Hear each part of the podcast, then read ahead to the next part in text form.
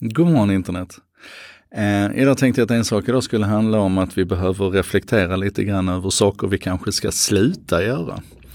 Eh, och bakgrunden är, eh, det är massor med saker som har hänt här de senaste veckorna egentligen som har fått mig till fundera över det. Men vi kan börja med, med Googles nya mobiltelefon Pixel 4 eh, som enligt ska man säga, gängse plan förmodligen skulle släppas i oktober. Och då brukar det ju alltid historiskt sett vara så, oavsett om det är Huawei eller Xiaomi eller Apple eller Google, att man försöker hålla de där telefonerna så hemliga som möjligt in i det sista. Eh, men det har ju visat sig vara eh, helt omöjligt.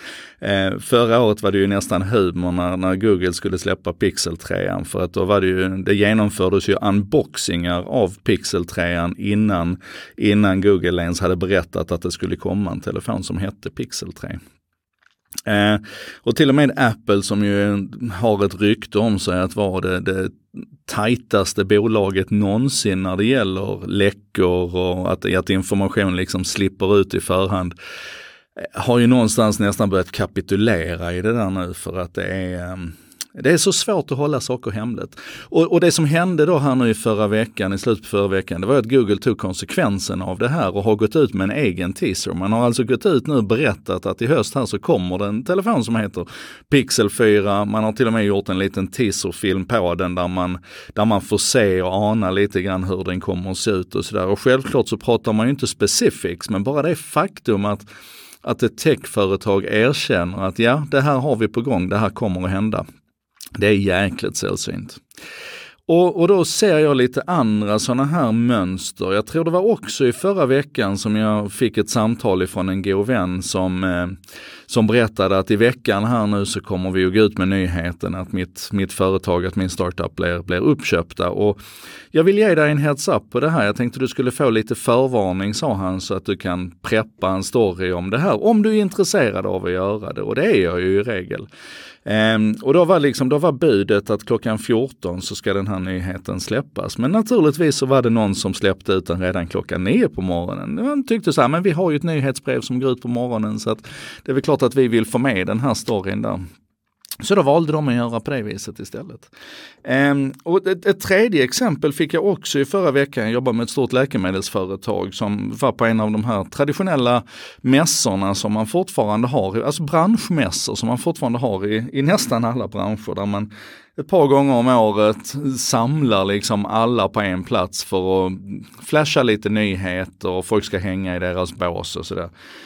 Och där har man ju märkt att liksom, vi har ju inga nyheter att komma med längre, utan alla som kommer till de här samlingarna vet ju redan allting som vi egentligen kan berätta. Så frågan till mig då det var att, men vad ska vi göra istället? Och, och mitt svar i det fallet var ju att naturligtvis fokusera på det, på det sociala och på det mänskliga mötet. Att istället för att hålla stora presentationer ifrån scenen, försök få till de små sammanhangen där folk kan mötas, kanske lite grann över professionsgränser och intressegränser konferenser och, och hitta de här mindre formaten där det kan bli andra sorters möten. Och naturligtvis mat och sprit. Eh, fast naturligtvis inte sprit, inte i läkemedelsbranschen, såklart inte. Anyway, det jag försöker säga här det är att jag tycker att vi behöver Alltså, det, det, det, här leder ju till att vi har ju ett informationssamhälle idag, både när det gäller faktainformation och nyheter och, och, och även naturligtvis kollaboration och samarbeten och diskussioner och sådär. Där väldigt mycket av det sker på nätet och, och då måste vi ju hitta nya sätt att använda det fysiska rummet. Så att vad ska, vad ska Google göra i framtiden av sina stora produktlanseringar, av sin Google I.O. eller vad ska Facebook göra med F8, vad ska Apple göra med VVDC? Hur ska man man liksom krympa det här och hitta ett nytt värde i det fysiska mötet? Vad ska branschmässorna ta sig till? Och, och vad ska den som sitter på en nyhet och hoppas på ett embargo, vad ska den ta sig till? Och ni kan säkert hitta egna sådana här exempel och det är väl det jag vill lite grann uppmuntra er att göra, att försöka hitta de här, de här företeelserna i er vardag där vi kanske kör på i gamla hjulspår för att ja men så har vi alltid gjort.